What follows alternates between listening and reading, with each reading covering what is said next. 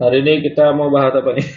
Hmm, ya, kita bahas apa artis yang pernah kuliah jurusan matematika. Ya, pernah jurusan kuliah jurusan matematika tapi tak tidak meneruskan Karirnya di di bidang Karir. matematika. Ya, ya makanya jadi artis. tadi jadi artis. Nah, ya. Beliau mempelajari matematika dan fisika di Imperial College London. Oh, ya, terkenal ya. Ya. Dan memperoleh Bachelor of Science di fisika pada tahun 1968. Setelah itu baru karir beliau di dunia musik meningkat. Hmm, apakah dia menghitung gaya dulu ya? Nanti pas main gitar gayanya berapa, Oh iya. biar karirnya meningkat.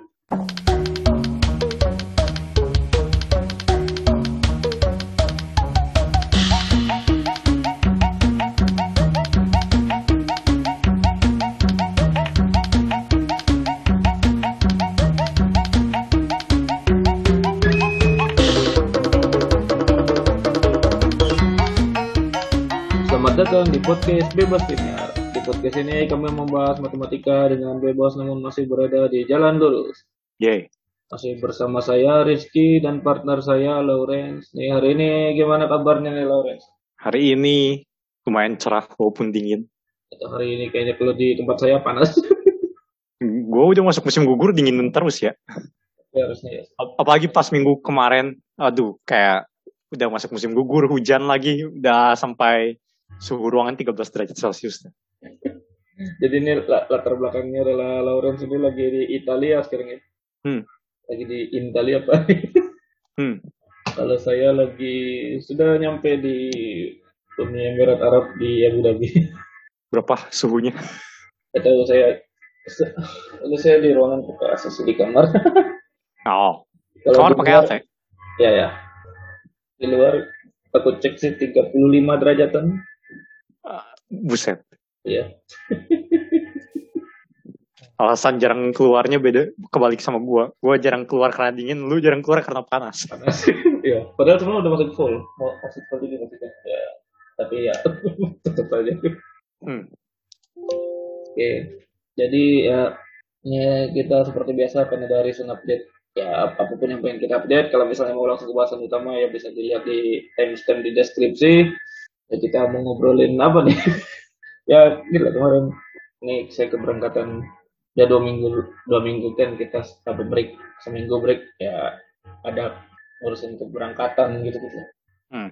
keberangkatan aku ke Abu Dhabi. Ngapain ke Abu Dhabi? Kuliah. Lanjut S3 di ini apa Khalifa University. Ngambil office di di matematik terus ya itu kemarin benar-benar yang ngur- ngurusin penerbangan terus masih ada ngurusin ke imigrasi buat perpanjang visa apa visanya kan pas pertama dikasih tuh visa ini apa visa visa liburan gitu lah ganti jadi visa liburan.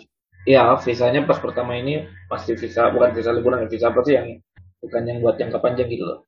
Kenapa visa liburan? Yang Emang Jang- visa jangka panjangnya berapa ya? ini lagi ngajuin tiga tiga tahun.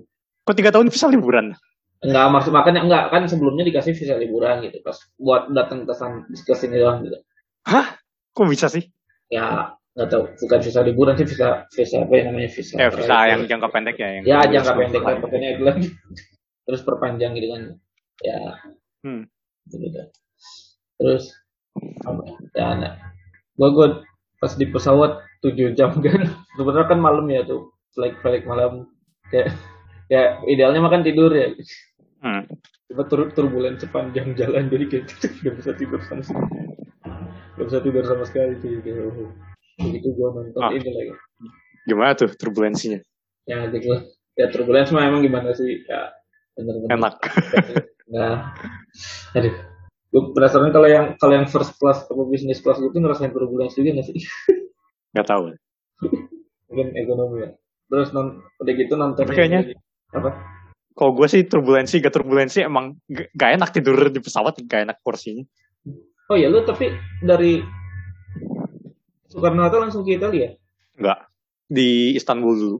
Oh naik ini Turkish berarti ya. Hmm, Turkish Airlines. Turkish. Terus ya, apa? Lu maskapainya apa kan? Gua ini apa? Etihad Oh, dia langsung ya? langsung langsung langsung. Ah. ya nggak tahu mungkin lagi cuacanya lagi buruk aja gitu ada gitu gue malah nontonin lagi Tenet tau nggak tuh? Akhirnya.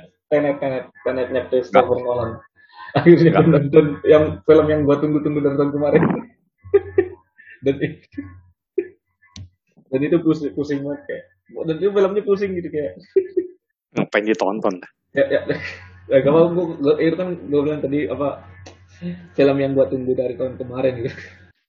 Jadi kayak dia tuh genrenya semacam time travel gitu. Apa time travel tapi bukan time travel yang kayak kalau misalnya lu balik ke masa lalu apa dari masa depan ke masa lalu satu poin gitu. Tapi dia waktunya time travelnya waktunya mundur gitu dalam jadi kayak ada orang berantem tapi jadi gini, kayak kalau lu kalau misalnya jalan ngeliat orang jalan nah sebenarnya orang itu lagi ada lagi dia tuh lagi moonwalk tapi kita ngelihatnya jalan karena dia mundur. Waktunya ngerti hmm kayak kayak gitu gitu jadi kayak orang berantem satu waktunya maju satu waktunya mundur hmm. dan itu tuh menarik kayak gue bahkan sebenarnya nonton nonton spoilerannya dulu buat ngerti jalan ceritanya kayak gue kalau gak nonton reviewnya di YouTube gitu ada ada ada review review apa review film gitu gue mungkin hmm. gak, bakal, gak bakal ngerti itu apaan gitu hmm. salah satu kasus yang membantu kasus spoiler spoiler membantu gitu Hmm. Ya gitu lah. Oke. Okay. Dari gua apa apa coba. Oh, selingan dulu kalau misalnya lu ada deadline abis ini. Percaya ke Anda, dari tiga matkul yang saya ambil, dua sudah selesai. Oh, oke. Okay. Jadi Anda ngambil matkul ini kan apa fungsional analisis gitu apa sih? Fungsional analisis gitu. Enggak. Topologi. Topologi analisis real aljabar kan yang ya, mulai al bulan lalu. Aljabar silo bukan sih? Yang silo-silo itu. Uh, aljabarnya ya ada silonya sih cuma group ring, field and Galois theory. Oh iya iya, iya. macam nah, itu. Terus real analisis dan topologi hanya dalam satu bulan, lima minggu sudah selesai. Terus habis itu kalian ngapain? Uh, tanggal 26 yang real ujian akhir, yang topologi tanggal 4 ujian akhir. Oh, 6, 26 Oktober, 4 November ya? Ya. Oke, okay, oke, okay, oke. Okay. Kayak shock. Ternyata intens sama dengan intens loh memang lah. Ya. Saya juga minggu depan sudah ujian gitu. Minggu depan apa? Ya minggu depan. Eh tapi ujiannya ujian tengah kan? Ya ujian tengah. Ya ya ini ujian akhir. Sudah selesai course-nya selesai. Tadi yang udah selesai topologi sama analisis real. Analisis real. Yang, yang terus gue kaget kan? Ya. kayak uh, yang topologi dosennya ngasih referensi buku. Terus kan dibagi dua uh, apa? Point set topologi sama introduction to algebraic topology. Hmm. Terus gue pikir, oh, kan cuma 10 pertemuan ya topologi. Ah, paling setengahnya lah ya, yang point set doang. Beres satu buku. Gila. Hmm. Dalam waktu secepat ini. Yoi. Terus yang PR terakhir super duper susah gara-gara belum kebiasa kali ya sama apa uh, algebraic topologinya. Hmm. Kayak waktu, waktu seminggu uh, cuma buat ngerjain PR topologi doang. Soalnya yang analisis real udah beres kan PR-nya. Terus yeah. yang aljabar belum ada PR lagi. Kayak gila. Terus yang analisis real juga uh, materinya itu adalah measure theory. Analisis real? Ya. Eh, ini baru gue mau nanya nih, analisis realnya beda apa enggak sama yang, yang pernah kita bahas dulu di episode 30-an? yang di episode 30-an? Eh, bukan episode 26 sampai 29. Kita bahas apa ya? ya itu analisis real. Oh, itu mah introductory to real analysis kan? Iya, iya, ya, memang. Ini analisis realnya bab 1 basic concepts of measure theory, bab 2 integration, bab 3 Lebesgue measure, bab 4 constructing general measure, bab 5 Littlewood's three principles, bab 6 LP species, a few things you should know. Bab 7 basic notions on Hilbert species. Oh. Bab 8 The Lebesgue-Radon-Nikodym Theorem. Bab 9, Fubini's Theorem. Bab 10, Differentiability of Functions. Bab 11, Convolutions and Approximations of Identity. Oh, Abis.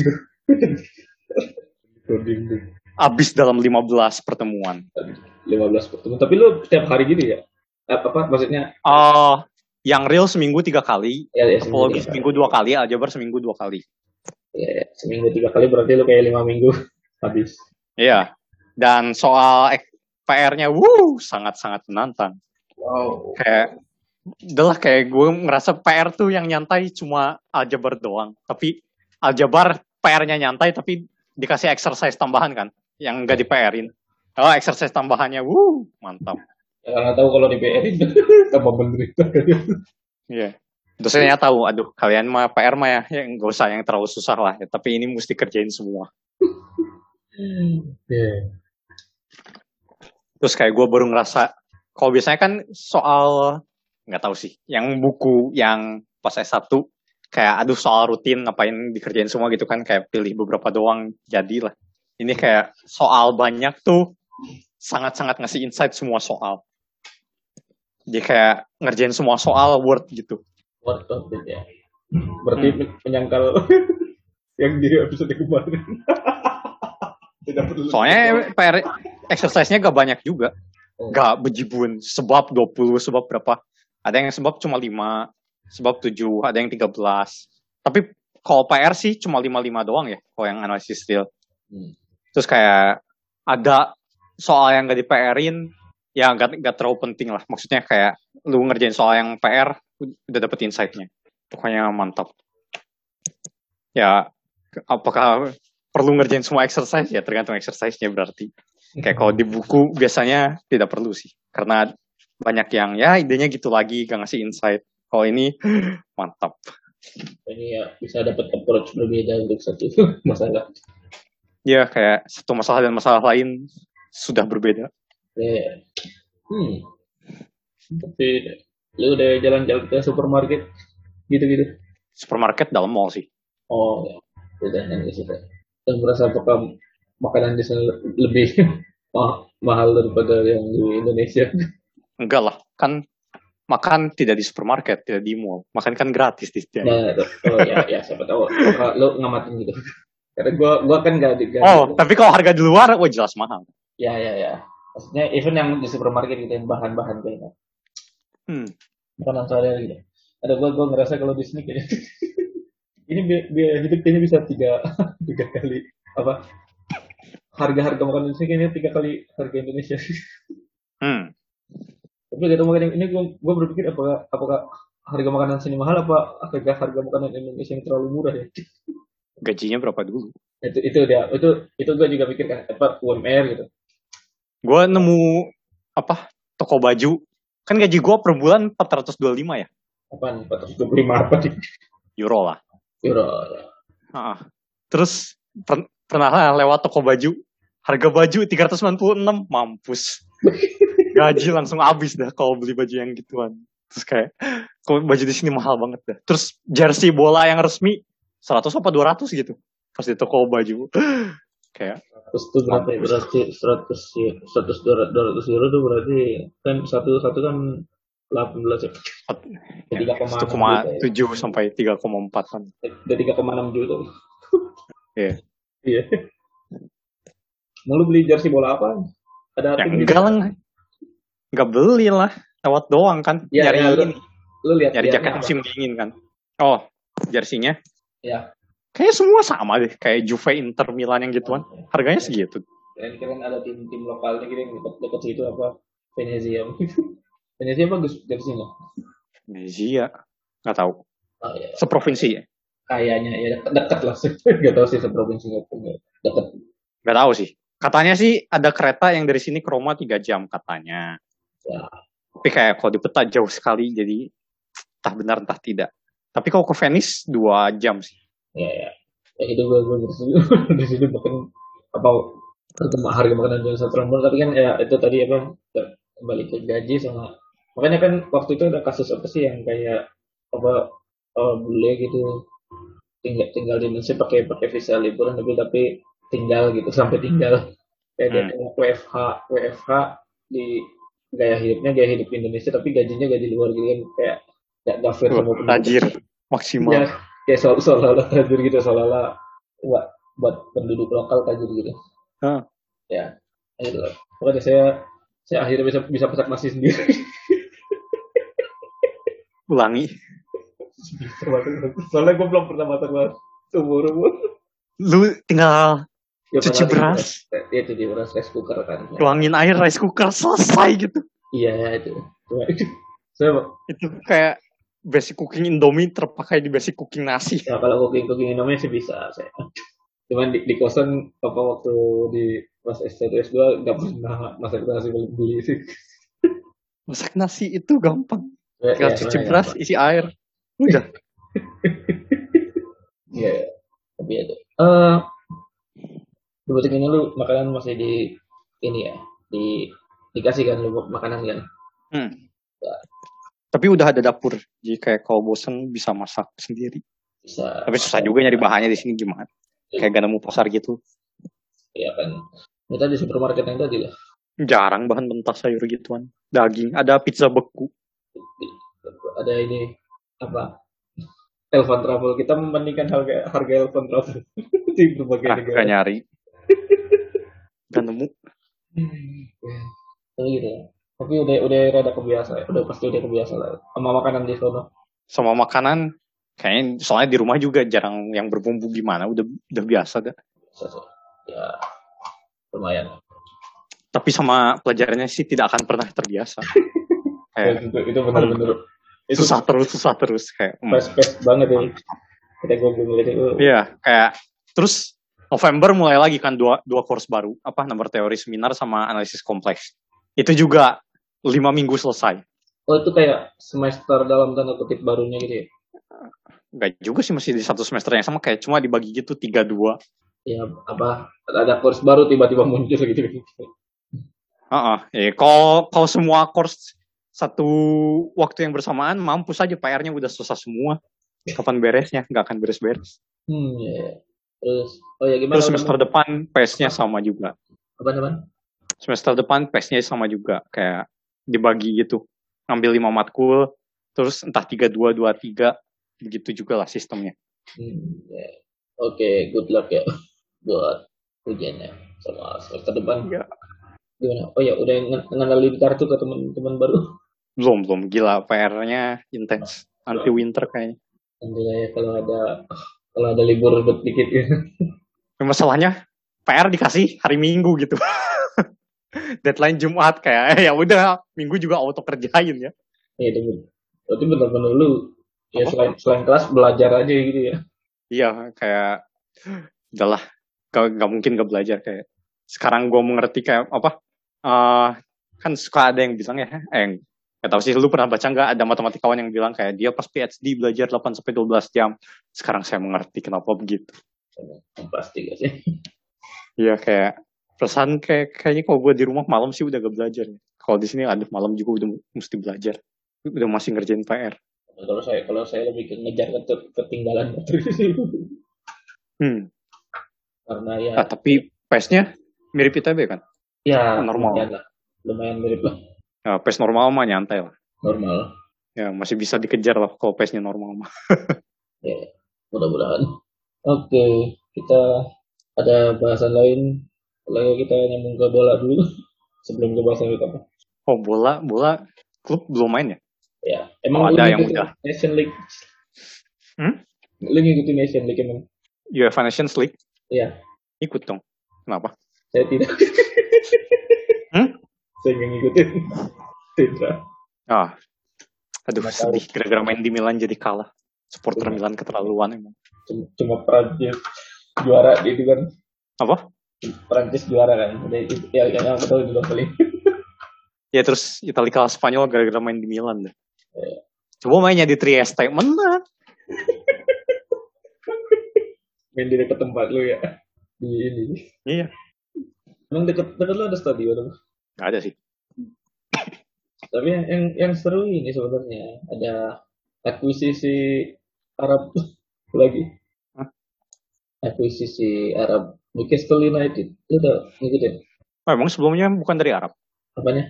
Emang sebelumnya yang punyanya bukan dari Arab. Bukan. Ya, sebelumnya punya orang Inggris. Baru tahu. Nanti jadi kayak jadi kayak tiba-tiba Newcastle United kan kayak salah satu tim yang rada hipster gitu ya kayak apa ya bukannya seperti ya kayak yang tim alternatif lah kalau misalnya kadang ada tim ada tim gacuan yang gede ada tim gacuan yang alternatif gitu ini banyak jadi tim gacuan alternatif terutama mungkin di Indonesia gitu Hmm. terus tiba-tiba jadi tim terkaya di dunia gitu ya sekarang. Hmm. Ini menarik nih. Jadi kayak yang apa? Yang kontraknya udah mau berakhir kayak kayak siapa sih? Mbappe gitu. Itu bisa Hmm. bisa jadi ke juga tuh. Hmm, kayaknya enggak sih. Kayaknya enggak. Atau mungkin mungkin enggak kali, enggak langsung kali ya. Mungkin kayaknya biasanya tim tim kayak gitu tuh pertama-tama ngeluarin duit ke, ke tim yang apa? Buat bikin tim yang setengah bagus dulu gitu biasanya. Ya, iya kan PSG juga kan enggak langsung jadi. Ya PSG juga dulu gitu kan kayak Hmm. dia beli beli pemain yang kalibernya bagus kalibernya bagus cuman belum top gitu yang kan kan kalau kalau Mbappe sama apa Erling Haaland kan udah itu sama udah hot property lah ya gitu ya Hmm. cuman belum Tahu enggak Newcastle bakal beli siapa? siapa Lord Brad White. Akan diduetin bersama Lord Lingard. ya Lingard dan Braithwaite itu tapi kalau Lingard masih masuk akal loh masih masuk akal Padahal kan udah bagus lagi tuh Eh, di MU-nya bagus lagi. ya lu lumayan lah Kayak kenapa balik ke MU dah? Musuhnya di West Ham aja. nggak tahu nggak nggak ngerti padahal ya padahal padahal saya pada penuh tuh di MU ya. Tapi tapi kayak kayak kayak kayaknya bisa bisa bisa dijual itu ke itu bisa kalau berat kayaknya Lord Brad White lah. ya, tapi ya maksudnya paling yang kayak ya bukan yang langsung ke bagus gitu. Dia lah paling kayak beli kayak Anthony Martial gitu. Atau siapa sih yang yang yang bagus tapi jarang dipakai gitu. Lord Brad White. masih aja. Siapa ya? Siapa ya? Jarang dipakai itu kayak ini Dem- Dembele Be. Aduh, Dembele emang bagus ya. Dembele apa Coutinho Coutinho Coutinho Ah, Coutinho tuh kayaknya bisa. Coutinho ya. yang menarik menarik gitu jadi kayak big, udah ada big six apa belum tambah Leicester sama West Ham eh ada Newcastle Hmm. gila, gila Liga Inggris makin panas ini makin Masih lama lah, 5 tahun lagi. tapi tapi, tapi sebenarnya musim ini tuh kan ya at least pasti kata gue musim ini beli ini dulu deh kayak pemain-pemain yang buat nyelamatin degradasi dulu kata gue sih kan sekarang kan dia lagi Ya, ya. degradasi tuh jadi kayak dia beli beli yang ya gue gak tau nyebutnya apa lah ya, mungkin yang kayak kayak Martial gitu gitu bisa, bisa. ya menarik sih menarik terutama mungkin musim depan kali ya. jadi kayak kalau kalau udah udah jor-joran gitu gue Hmm. bubarin saja liga tapi ada lagi Ada. apa Lu akan cukur kan suatu hari di sono. cukur Ya. gue kemarin gue sebenarnya pas pas apa berapa ya dua hari sebelum berangkat gue cukur dulu cukur yang rada pendek gitu jadi gue gak mungkin gak nyukur dalam waktu lama tapi pasti ya iya sih Ya pastilah, lu tinggal di sana berapa tahun sih? Masa gak cukur? seenggaknya enam bulan lagi paling apa Ah. kenapa kenapa Gue udah cukur di sini. Tebak harga. tebak harga dalam rupiah ya Ya, dalam rupiah ya oke dua ratus ribu iya. 10 euro. bener bagus untung saya cukur duluan tapi kata kalau di sini kayaknya kayaknya kayaknya mirip juga tuh kan gue bilang harga netik harga di sini tiga kali lipat harga sono ya Kayak lebih mahal. Kayaknya lebih mahal. Kayaknya. ya ya ya ya jangan ngebandingin sama apa ram, apa pangkas rambut tradisional yang itu Dua- kalau yang nggak biasa apa de- dekat temukan kayak dua puluh dua puluh ribuan gitu ya yang tradisional ya ini nih standarnya kan bar barber mewah gitu cuman kali tiga bener bener Ah, terus yang kerjanya lima dong kayak gue kaget. Hmm. Biasanya kayak nggak tahu sih kok di Indo ada barber yang kerjanya banyak nggak ya? Belum pernah. Gue kalau di Garut sih gak nemu ya. Iya, apalagi Terus pas- Garut kan sentra barber kan banyak. Ya gitu lah. Yang pinggir jalan, pinggir jalan juga bagus. Iya. Yang murah-murah ya. Terus kayak pas gue datang ke barbernya lima yang kerja. Oh mengejutkan. Itu ngapain aja libat? Cukur semua. Oh, bener. Iya. Yang satu bagian atas, yang satu bagian samping apa gimana? Enggak lima rame gitu kayak lima orang kerjanya sekaligus nyukur lima orang. Oh, Satu orang satu. Oh, satu orang. Ya, lima. Oh. Oh, jadi lagi ada lima orang di tempat cukur. Oh, ya. Iya. Terus pekerjanya emang lima gitu mak- maksudnya. Oh, ya. kayak sama Hawa yang barber yang gue datangin itu tidak pernah sepi. Gue beres ada yang datang. Sebelum gue, gue nunggu. Mantap. Terus katanya it- itu yang paling murah yang teman gue tahu. Ya, segitu gua. Terus lu potong gaya apa? Pendekin doang kayak biasa. Pendek. Gue harusnya udah udah dua ratus ribu minta gaya Paul Pogba lagi. Ngapain? terus untungnya ya terus teman gue udah bilang kan yang ini bisa bahasa Inggris terusnya paling murah ya jadi ngomongnya pakai bahasa Inggris Hmm. Ya. untung kayak di- dikit kan orang Italia yang bisa bahasa Inggris tuh kayak gue ke kantor pos gak ada yang bisa Terus ke kantor terus gimana ditemenin ke supermarket gak ada yang bisa ya ke kantor pos waktu ngurus izin tinggal ya udah tinggal kan gue apa itunya ngomong pakai bahasa Italia terus gue bilang nggak bisa ngomong bahasa Italia terus dia bingung ya udah gue kasih aja dokumennya langsung nggak ditemenin sama siapa gitu apa yang bisa bahasa Italia gak, gak ada ya? gak ada Oh. Ntar, lu udah berapa lama seminggu ya Minggu ya. pengeluaran udah berapa Gua kayaknya mahal di sini buat naik taksi gitu-gitu. Oh, naik taksi sama oh ada kayaknya kayaknya udah lumayan lah udah ya. Berapa ya? Kalau di total itu kayaknya ada oh sama buat ini ngurusin administrasi gitu-gitu lah. izin tinggal? Iya izin tinggal. Itu itu juga ada biayanya. ah sama. Ya gue kantor pos kan ngurus izin tinggal. Berapa yang izin tinggal? Izin tinggal gue berapa ya? Tiga ratus tujuh puluh dirham. Berarti kalau de- kalau kali eh, kalau satu dirham kan empat ribu tuh. satu koma dua juta. Itu izin tinggal segitu satu koma dua juta pas satu enggak satu koma dua sampai satu koma enam lah. Gue izin tinggal 117 euro. Berarti hmm, sekian lah. Berarti lebih mahal sih pasti itu yakin gue transport? Transport taksi sih? Ya taksi taksi taksi. Gue taksi rata-rata gue kena tiga tiga puluhan. Terus gue udah naik taksi berapa kali ya? Satu dua tiga empat. 30 kali 4 ribu ya? 120 ribuan ya ya empat ratus ribuan sekali ini. Terus gue gue kemarin jalan-jalan tiga kali naik taksi lagi buat PCR doang Hah? buat PCR sama belanja. Jadi kayak. Ya, berarti mahal. 48 480 ya ya, mahal. Transportasi publiknya taksi doang? Ada bis ya sebenarnya. Cuma? Cuma waktu itu gue bawa belanjaan berat oh. Bis berapa bis? Bis itu kayaknya eh, ini ya kalau di Indonesia in eh, kalau di ke rupiah tuh sekitar 8.000 sekali naik sekali naik sekali naik mungkin ada yang 8.000 sampai 20.000 lah tergantung rute sih Hmm. kalau Italia tuh eh kalau Italia kalau gua busnya tuh pakai tiket Ya. terus beli tiketnya yang satu tiket tuh buat 10 kali perjalanan Hmm. itu harganya 12,45 euro. Nah, tapi kayak kalau lu naik bus dari, misal lu naik jam 9, kalau masih belum satu jam, lu naik bus lagi gratis. jadi lu lari-lari gitu kayak transit Ya kayak kalau ganti bus gak, gak bayar.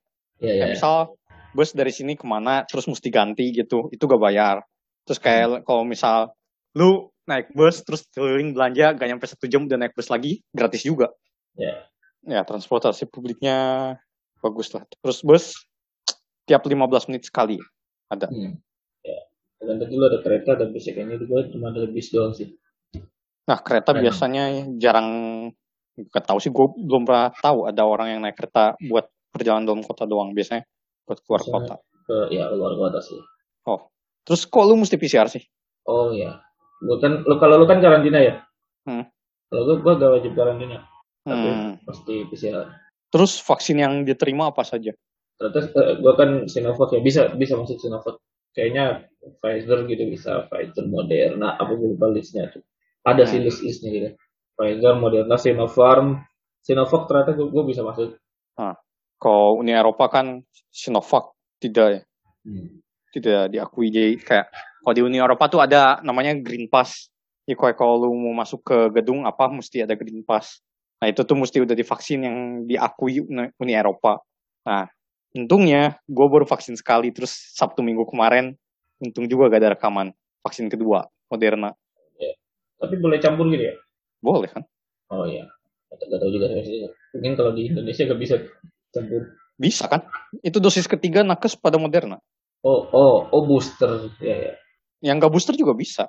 oh oke Dan- cuman gimana abis Moderna setahu gue agak agak kuat kan ini Ya ada efek sampingnya. ya, Malam susah tidur agak demam. Ya, ya. Terus minggu paginya juga masih demam. Minum panadol baik. ya wajar dan lagi Ya.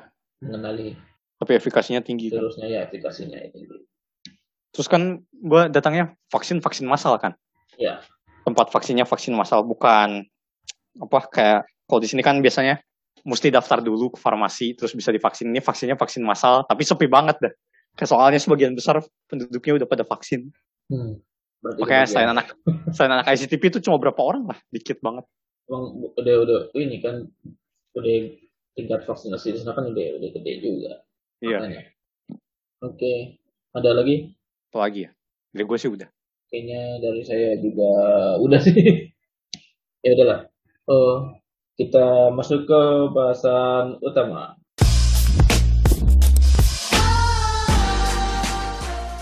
Hari ini kita mau bahas apa nih? Ya kita bahas apa artis yang pernah kuliah jurusan matematika. Pernah jurusan kuliah jurusan matematika tapi tak tidak meneruskan Karirnya di bidang matematika. Ya, ya makanya jadi artis. tadi jadi artis.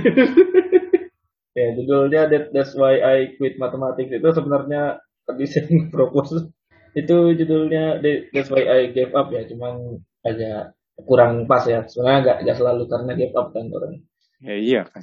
Ya Emang- itu ya Ya kan tidak berada di jalur matematika ya belum tentu gara-gara apa nggak suka matematika atau gak bisa matematika menyerang matematika. Cuma punya jalur lain. ya cuman sebenarnya referensi gitu buat referensi referensinya tuh dari dari lagu ini Yorushika sebenarnya judulnya That's Why I Gave Up on Music itu jadi sa- salah satu band favorit aku pada saat ini Yorushika yang pernah kita bahas sama Apip. di episode OPM ini ya yang pernah ambil kuliah matematika atau ngambil jurusan matematika ya. Kita mulai dari yang pertama. Yang pertama ada Michael Jordan pebasket Hmm. sebenarnya bukan bukan jurusan matematika sih dia tuh geografi. Ngambilnya Ya. jurusan geografi. Cuma ngambil kuliah matematika juga. ya cuma ngambil kuliah matematika juga. Ini salah satu atlet basket yang kayaknya goatnya tuh ya salah satu goat di basket tuh dia Hmm. greatest of all time gitu kayak kalau orang yang nggak tahu even yang nggak tahu basket kayak gue gitu at least tahu Michael Jordan lah lo, lo tapi lo ngikutin basket gak enggak Ngikutin. oh ngikutin Gue kayak ngikutin banyak ke olahraga deh. Basket Ya. iya, badminton iya, Betul kan bola iya.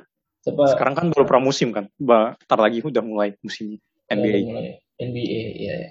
tapi menarik sih kayak, kayak tim tim tim basket. Tapi kayak tim tim basket kalau buat kalau gak lihat kayaknya yang paling ini kayaknya ganti-ganti ya. Kayak nggak ada yang dominan terus gitu. Ya nggak sih? Gak ada. ya kan? Karena kan ada apa sistem sistem drafting gitu gitu Hmm. ya. Oke, jadi ya ini Michael Jordan yang salah satu atlet basket terbaik sepanjang masa lah ya. Jadi beliau ini berkuliah di University of North Cal- California dengan beasiswa. Dengan dia apa memperoleh beasiswa pemain basket. Nah, ya tadi udah disinggung beliau ini ngambil jurusan geografi cuman ngam- ngambil beberapa mata kuliah matematika di antaranya ada trigonometri, kalkulus hingga topik pilihan di matematika. Nah, Nah sebenarnya itu kalau sekarang apa? karena itu dia tiap main tiap nge-shot, hmm, ini sudutnya berapa? Eh, oh, kosinusnya sekian, langsung shot. Bisa jadi.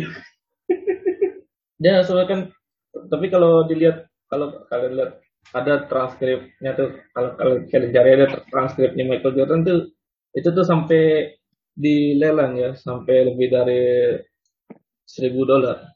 Nah kalau misalnya di transkripnya nih beliau nih sebenarnya agak diverse juga yang ngambil mata kuliahnya ada kayak ada atau gak gak gak tahu ya, mungkin kebijakan universitasnya gimana cuman kayak beliau ngambil acting acting juga ngambil mata kuliah apa bahasa Portugal movie criticism Semua- juga ngambil Kayak kita ngambil sosian HMP.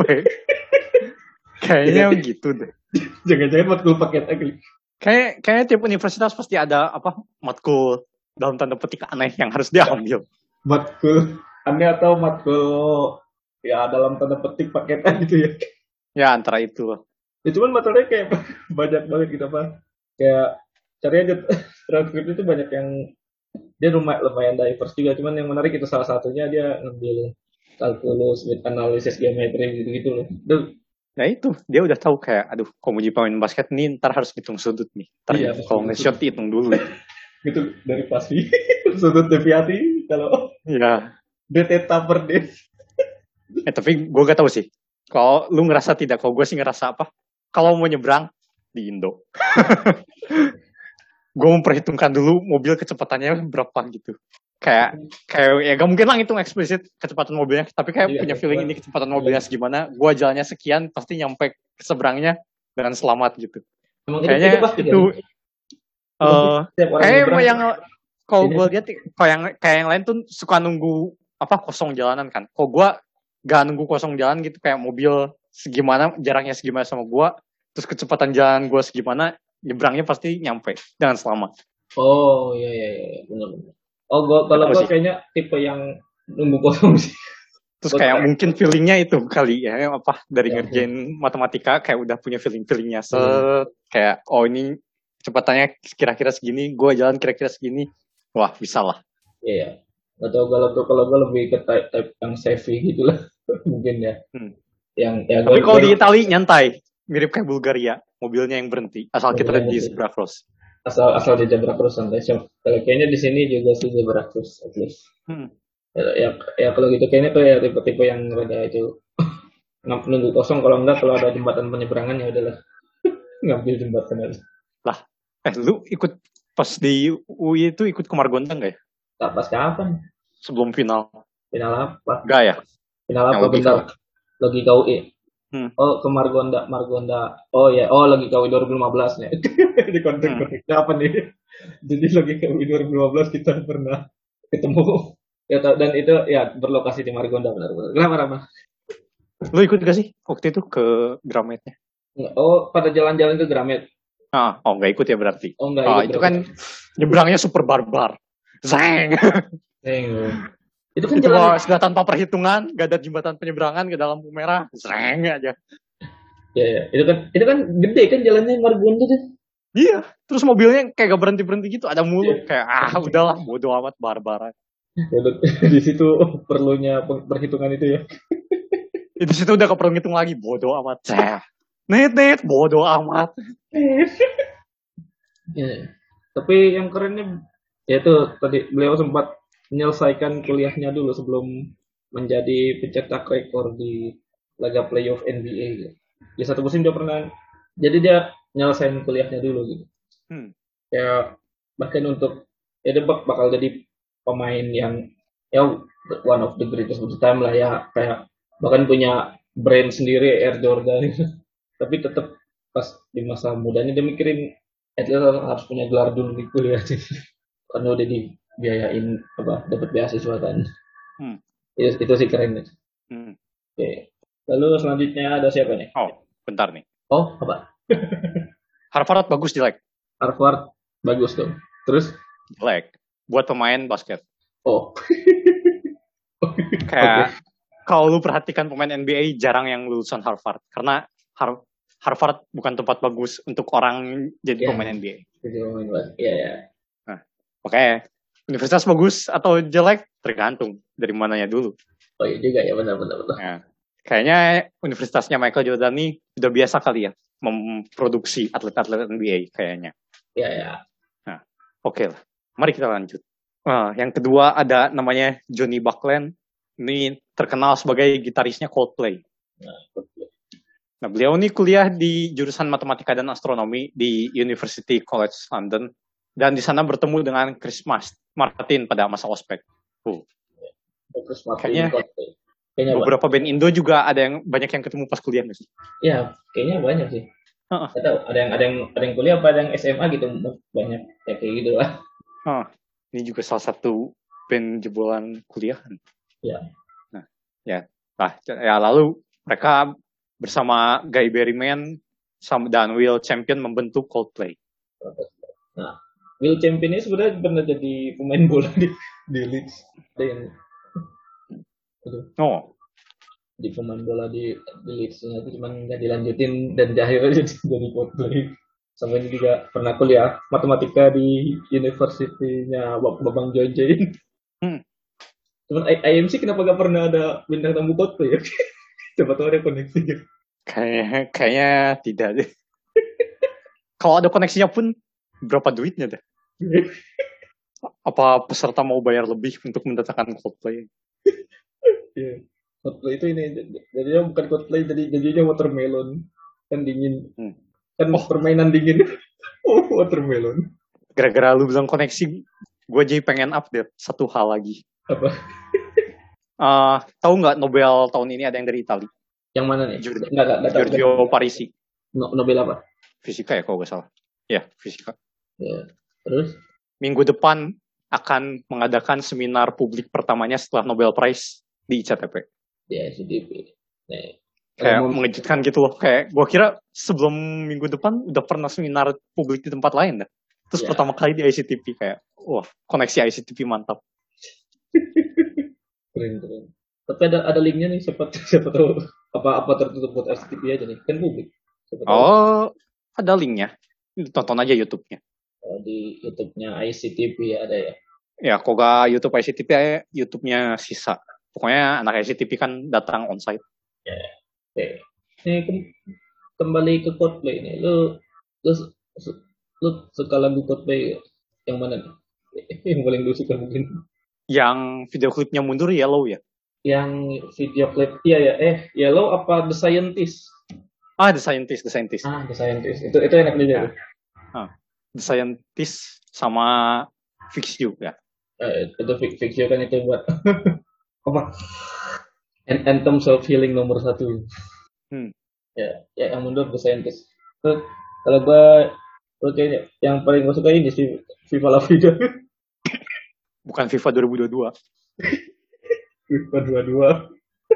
Kalau enak, enak itu buat kalau apa bangun pagi gitu. Jeng jeng jeng jeng jeng jeng. Kalau buat bangun pagi bu- buat olahraga itu enak. ya. Hmm.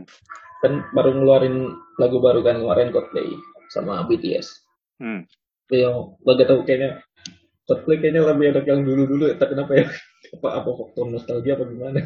Kayaknya lebih enak Coldplay yang dulu-dulu daripada yang kan baru-baru ini kan 2019 bikin album juga mereka terus 2021 juga bikin. 2019 apa ya? Ini yang apa? Everyday Life. Nah lu gak tau kan? Apa? Nah lu lu lah lah juga kan 2019 Coldplay bikin album Apa? ini Everyday Life Lagunya apa deh? apa Orphans yang yang hitsnya Orphans. Nggak tahu. Nah, berarti gak tahu apa apa faktor nostalgia ya. Gue taunya lagu-lagu yang dulu gitu. Nggak, kayaknya emang enakan yang dulu deh. Ya. Yang kayak zaman-zaman 2014 kini masih enak juga tuh yang Sky Full of Star itu masih enak. Yang Something Just Like This juga enak. Oh, kalau itu enak. Itu enak, itu enak. Teman. Ya. Lalu selanjutnya ada siapa nih? Selanjutnya ada Lewis Carroll. Lebih terkenal sebagai penulis Alice in Wonderland. Bukan Alice in Borderland. Ya, itu ada di Netflix ya. itu lain. Lain Apa? ada di Netflix kan? Alice Iya, in iya. Borderland. Oh, Alice in Borderland. Iya. Iya, iya. Ya. Tapi sebenarnya nama asli Lewis Lewis Carlo Carroll ini adalah Charles Ludwig Dodgson. Ya, Dodson. Nah. Nah, katanya nih beliau nih berbakat matematika sejak kecil dan beliau berkuliah di Oxford jurusan matematika dan memperoleh Bachelor of Arts dan selama studinya beliau beberapa kali eh, mendapat first class honor. First class honor tuh IP, IP-nya 3,7 minimal. Ya. Emang imba. Ya. Terus matematika yang beliau pelajari di antaranya adalah geometri, algebra linear, logika matematika, dan matematika rekreasional. Ya. Nah, beliau juga menemukan metode kondensasi Dodson untuk menghitung determinan sembarang matriks persegi. Nah, ini tahu nggak yang apa? Yang kalau rumus matrix adjoint itu apa? Inverse matrix. Yang kan kalau empat kali tiga empat kali empat ke atas kan kayak harus dihitung determinan determinan. Sebenarnya ada ada lagi tuh yang bisa dihitung lewat adjoint kofaktor minor itu. Ya, ya. Ya itu itu asalnya dari sini. Ya, kayaknya gampang enggak, kayaknya gampangan yang Dodson deh, kalau menurut gua dibanding kofaktor yang J1 juga. Ya ya. Ya idenya, soalnya gini lah, idenya itu, misal diberikan matriks persegi n kali n. Ya. Nah, tapi uh, si matriksnya ini tidak boleh mengandung entry 0. Jadi kayak kalau ada mengandung entry 0 ya pakai apa namanya? Elementary row operation apa namanya? OBE. Ah, OBE biar si entry 0-nya jadi gak 0. Kan OBE kalau yang jumlahin baris atau kolom kan tidak mengubah determinan. Nggak, nggak, nggak, Jadi betul, betul. si nolnya bisa dihilangkan, jadi tidak nol. Nah terus kalau matriksnya udah tidak nol, hitung determinan submatriks dua kali dua, semua submatriks dua kali dua. Terus bikin matriks baru ukuran n 1 kali n 1 entry-nya adalah determinan determinan tersebut. Ya. Dan prosesnya diteruskan sampai akhirnya dapat determinan matriksnya. Sampai, iya, iya. Jadi kayak kalau misalnya mat- matriksnya, misalnya tiga kali tiga ya A, B, C, D, E, F, G, H, I gitu. Berarti kan nanti ada A, B, D, E gitu. Dua kali matriks dua kali duanya A, B, D, E, terus B, C, E, F, terus D, E, G, H, sama E, F, H, I gitu kan.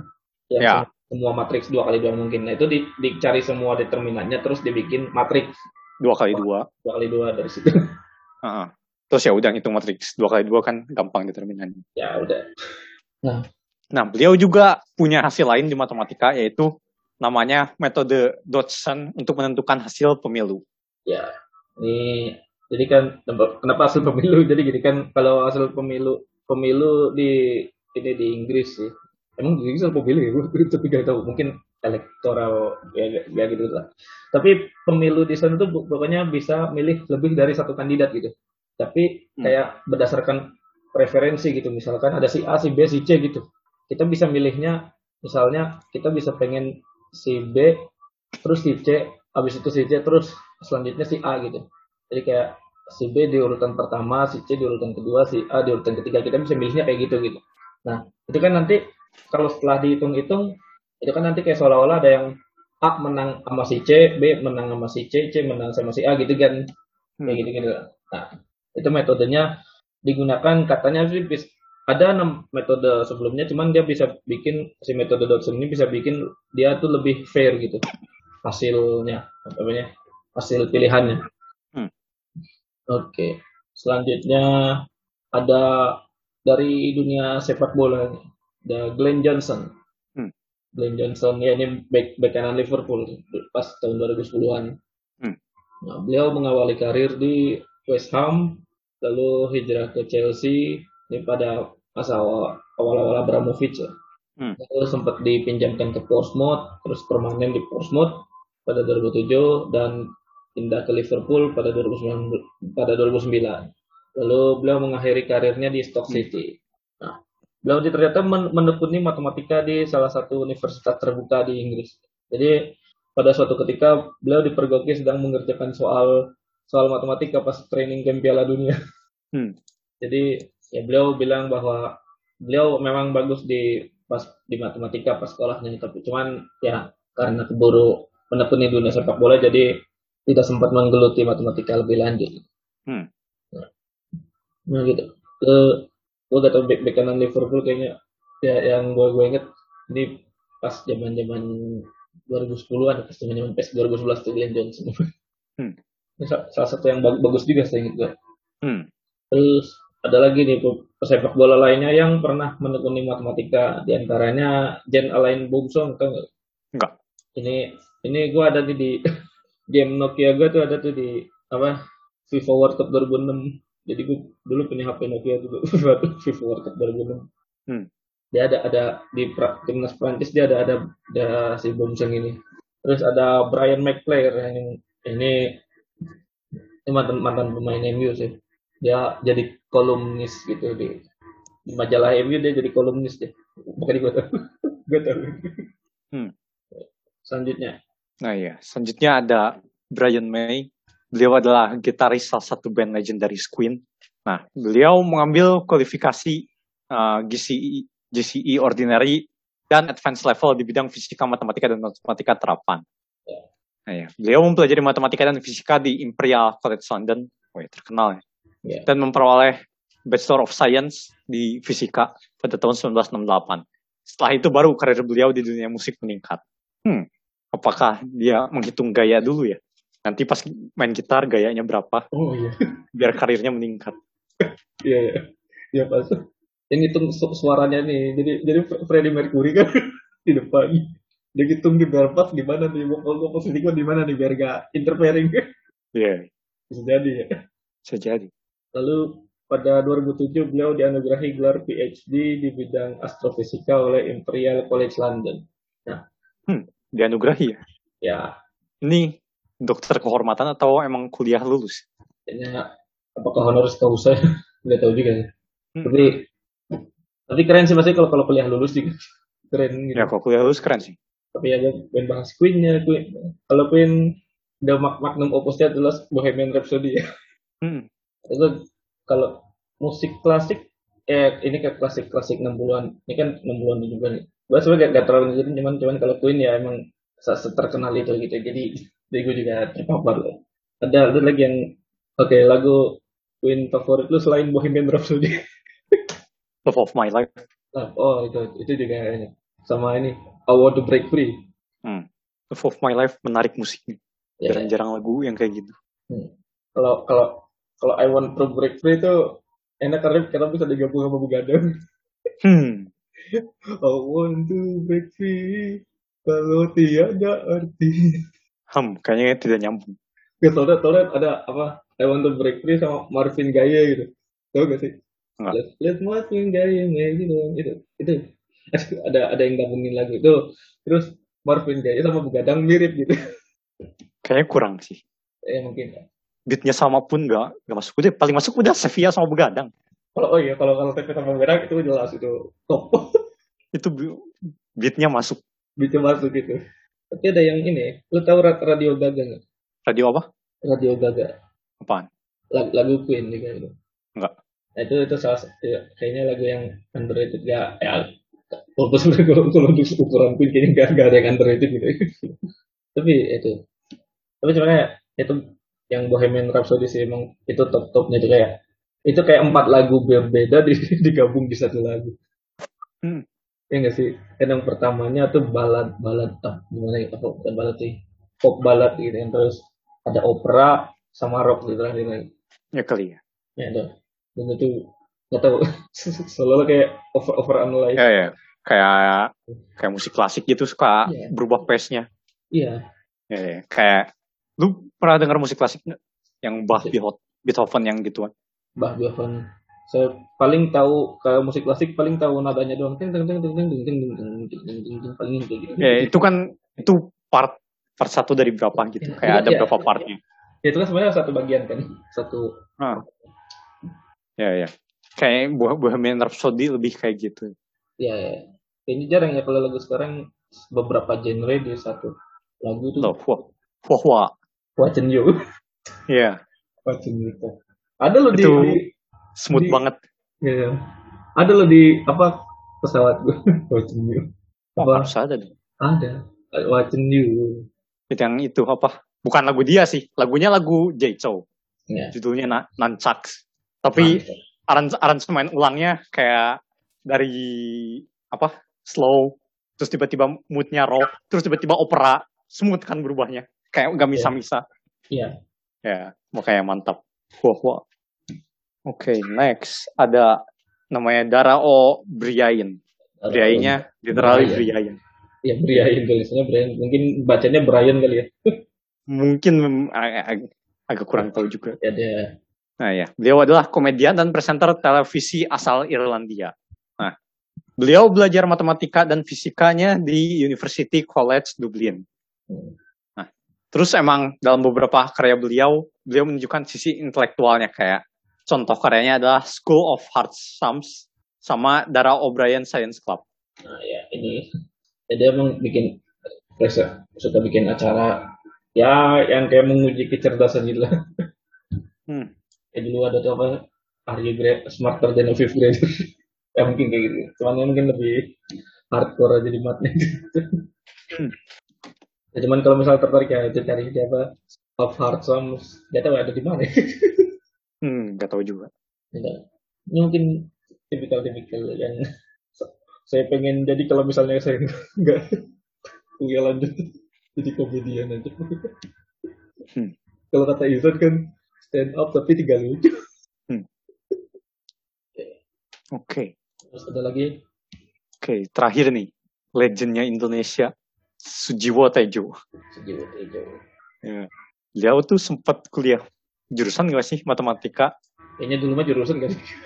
Ya. Kan tahun, tahun Dia, beliau kuliahnya ini matematika dan teknik sipil di ITB. Ya.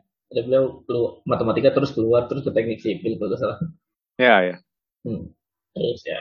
Beliau juga mendirikan Ludruk ITB bersama budayawan Nirwan Dewanto. Jadi ini ya, Ludruk ITB ini saya sering no- nonton nih kalau ada dia bikin acara pagelaran gitu namanya main gede. Itu gue, gue selalu Oh, iya. nonton ini dari tahun awal. Hmm. Selalu nonton gue. Dulu pernah se- sejauh itu juga pernah pernah ke ini ke ITB juga pas pas main gede itu. Ya, cuman gue kayaknya pernah foto juga cuman gue lupa di mana apa di teman gitu.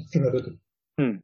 Gue gue pernah foto juga. Dan ya beliau kan pernah para pernah diskusi ini juga di, di podcastnya Deddy Corbuzier pernah terus di, di diskus di, di podcastnya ini kalian kan coba coba cek di podcast ini apa berbeda tapi bersama yang di, di itu di noise itu sama Hussein Jafar. Itu kalau itu, itu coba cek itu tuh bagus tuh. Dia kayak ngobrol-ngobrol sama orang dari berbagai agama cuman kebetulan dia lagi ngobrol sama Sujiwo Tejo ini dia bahas perspektif agama menurut matematika gitu. Apa? Bahas yang ya kayak gitu-gitu. Apa? Gimana seharusnya orang apa menggunakan logikanya gitu dalam beragama gitu gitu sama dia sama jadi Corbuzier kayaknya dia juga gitu tuh bahas bahasannya itu, itu bagus sih. Maksudnya maksudnya dia masih apa pemikiran di matematikanya masih masih terpakai gitu masih nempel gitu. Hmm. ya res- respect gitu sih. Kok gue liatnya di TED Talk adalah di YouTube. oh ya. Oh dia pernah ya. Ya kayak gimana tuh? Coba coba. Ya bahas itulah. Ah, hubungan musik sama matematika. dia bahas bahas pakai grup gitu nggak? Nggak ya? Enggak. Cuman ya kan kadang musik musik ada polanya kalau yang gue pernah denger yang apa yang ting ting ting ting ting ting ting ting ting ting ting itu kan itu kan berbola itu itu menurut beliau itu mesmerizing gitu. Hmm. terus ada lagi nggak ya kayaknya di Indonesia tuh ada deh ini Abdul Arsyad tuh nggak Abdul Arsyad komedian Oh, iya tahu tahu. ya dia, dia Ya, benar juga benar. dia matematika Ah, juga tuh ya ah. dia suci berapa gue lupa Terkenal lah, udah sering di TV. Iya ya, itu itu keren juga tuh. Stand up stand upnya lucu lucu, lucu. Suka bahas dia bahas dia kayaknya kalau stand up dia bahas yang kayak apa kondisi orang timur gitu gitu. Cuman ya ya dia dia ada di di YouTube ada juga dia bahas misalnya di YouTube-nya dia bahas ini apa eh, menghitung nikmat Tuhan Hmm. ada terus sama ini Ratu Tisha kayak itu nggak ya? Apa dia masih di matematika sih sekarang? Kayaknya data, dat- main data gitu masih matematika nggak sih? Eh, tapi ya juga sih dia, dia mainnya di lab bola ya. Ya, Iya. tapi kan kayak lebih da- lebih ini datanya kan. lebih ke datanya betul. Ini ini ada lagi Noe Leto. Oh Iya Sabrang. sih? ya Sabrang. Ya, Sabrang oh, itu. Kenapa kenapa? itu kuliahnya fisika dan matematika, tapi lebih ke fisikanya sih. Di di mana dia? Di UGM ini? Bukan, bukan. Kayak S3, S3-nya di luar negeri malah. Oh. Ya. Kalau Leto ya. Hmm. Kaget itu. Dia lirik-liriknya juga rada, rada filsafat. kan kan ini gue udah pernah bahas juga kan. Kayak lirik-lirik lagu Leto bisa dibahas secara filsafat gini-gini. Hmm. Ya, ya. Oke nih, ini pertanyaan nih. Ini kalau misalnya itu kan berarti berencana ngelanjutin ke matematika ya. Hmm. Oke, kalau misalnya lu nggak di matematika atau atau kalau misalnya lu nggak nggak di matematika lu bakal ke mana? Hmm, mungkin fisika atau computer scientist kali. Mungkin. Oh ya, coba kalau gua kalau gua tadi kayaknya udah bahas pengen jadi stand up comedy. Hmm. Padahal tidak lucu kalau kata Izan. Tapi ya, ya sih gua gua gitu ya. Gua kayaknya soalnya punya banyak minat di dunia seni gitu kayak nge-DJ kayaknya seru gitu. Nah, tadinya juga sempat kepikiran ya. Apa jadi Nge- musisi juga ya? Sekolah musik. Temen gue soalnya ada yang sekolah musik, temen SMP. Ya. Lu me- megang Tapi- apa kalau musik? Hmm? Megang apa? Eh, main instrumen apa? Instrumen sih, bisa doang sih bisa banyak. Kayak piano bisa, gitar bisa, bass bisa, drum bisa, biola belum bisa, belum belajar. Hmm. Ya kalau paling mendingnya piano ya. Oh, ya. Tapi Tapi kayak dan ya. Tapi entahlah. Gue tidak menemukan apa interestnya kayak kenapa ini bisa dieksplor lebih bla bla bla yang gitu kan. Feelingnya ya belum lebih, dapet lebih ke ya. matematika. Ya feelingnya gitu ya belum dapet ya. Feelingnya dapat sih dapat sih. Lah tiap tiap main di gereja kan aransemen ulang semua lagu ya. Hmm. cuma kayak hmm, kenapa menarik ya main musik? Kayak waktu itu gak kepikiran. Gue merasa uh, musik itu sangat menarik setelah melihat Watson ini bisa bisa berubah sekali. Iya iya. Sebenarnya ya, yang menarik justru mungkin bukan di main mainin yang mengaransemennya ngerti nggak? Ya terus kayak terus kayak kalau sebelum Watson itu gue lihat penyanyi ya penyanyi gitu kayak ya suara katanya ya suaranya dikasihnya gitu ya manfaatin dengan baik. Setelah melihat Watson ini suaranya bisa berubah-ubah dah kok keren deh. Kayak merasa keren banget dah kok suaranya bisa banyak banget. Ya itu ada itu itu kalau itu keren sih maksudnya kayak lo kira kan orang kalau mau nyanyi ya suaranya bisa dikenali oh ini misalnya gue denger lagi denger lagu di radio gitu oh, gue bisa kenal oh si ini si, yang nyanyi ini gitu ya Hmm. kalau itu tuh enggak Enggak, lu tahu dia yang nyanyi dari level deepness uh, feelingnya. iya Makanya Jadi, kayak, misalnya ada yang kayak dia jadi susah juga deh kalau misalnya ada yang kayak dia juga gitu Hmm? Tiga level. apanya apa? Kalau misalnya ada yang bisa suaranya ganti-ganti gitu kayaknya susah juga tuh dia nah ini lagu siapa Lagu siapa? Ini Oh, itu? dia- Kayak gini aja lah. Lu tahu Yofi Widianto kan? iya Yofi Widianto pernah nyanyi enggak? Enggak kan? Tapi Enggak. lagunya pasti tahu gitu. Oh, Ini kalau- lagu yang bikin pasti Yofi. Oh ya kalau kalau itu kayaknya iya kalau kalau itu ya kayak Ya. misalnya lagu yang bikin Yofi ya kalau nggak yang bikin Ahmad Dhani gitu. Ini juga sama, ini juga sama. Oke ya ya. Kayak lagu yang dia aransemen atau ubah, ini pasti dia yang bikin, yang ubah. Oh iya iya. Betul betul betul. Ini eh, ininya ya apa suasana musiknya. Hmm. Hmm. Gue kata kalau kalau gue sebenarnya gue kan sebenarnya apa ya, buka kalau bisa bilang gue kayak tadi pengen jadi DJ apa tapi gue buta nada gitu. Kayak gue Hmm. kayak gue ngerasa apa pas pas SD kan kalau main pianika yang ngikutin not aja gitu nggak sih? Dan ternyata setelah kalau gue lihat orang main piano dia tuh kan tangan kiri tangan kiri main tangan kanan tuh main juga kan sih? Hmm. Iya kan? Kayak tangan kiri tuh buat nada rendah nada tangan kanan buat nada tinggi gitu kan? Kayak itu Lebih ya? ke tangan kiri akordnya, tangan kanan nadanya. Iya atau atau atau, atau, atau tangan kiri nada tangan kanan mungkin ya kayak gitu kan ke kiri kan chord kayak kalau misalnya di gitar sama vokal kan kayak gitu kan Hmm. kayak gitu kan ini nih itu tuh kayaknya mungkin susah susahnya tuh di situ gitu lu gimana cara biar kiri ini kanan enggak asinkronus Hmm? itu bahkan agak Ya, gak tahu ya. Kalau gue sih kan udah belajar dari kecil, jadi udah kebiasa. ya. terus kayak yang tahu do dari mana gitu ngerti gak kayak gue gak gak bisa tuh misalnya pasti gue nemu nada teng teng teng teng teng teng teng teng terus terus tiba-tiba salah gitu balas di Kalau gue, makanya salah satu kepikiran musik ya itu disuruh les piano gara-gara itu pas pian main pianika di sekolah. Terus gue denger lagu apa, nemu nadanya gitu. Kayak tiap tiap lagu tuh pasti ketemu sama gue nadanya. Nah, kalau kalau gue dulu juga kayak gitu cuman gue gak explore aja terus gue ya Hmm. setiap, setiap setiap lagu bisa bisa ditemuin kan adanya kan Ya, terus kayak ya kakak gue sih kayak aduh kayaknya bakat di musik, lesin musik. Ya udah lesin musik.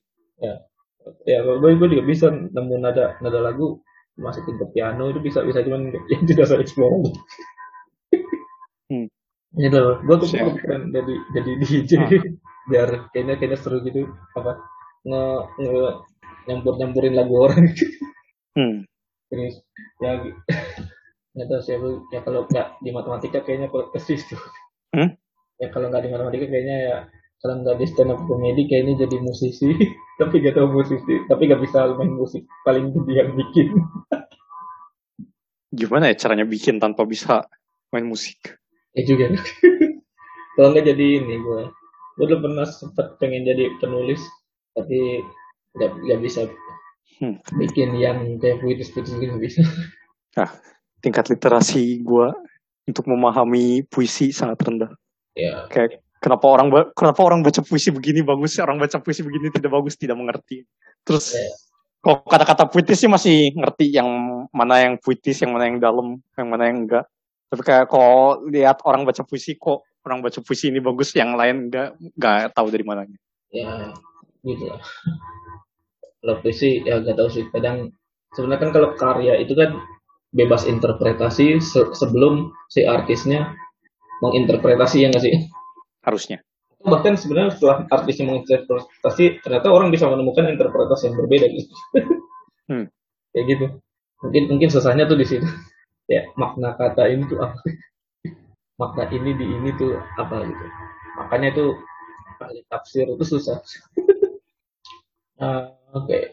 Jadi ya ada lagi? Enggak. Ya kayaknya udah kali ya. Ini kita bahasan slice of life sedikit ya. Yang side of matematik. Eh, konsep ini kita pengen bahas ya kita bisa dibilang jalur kesuksesan ya gak harus dari satu bidang aja gitu ya setiap orang punya rezekinya masing-masing ya Hmm.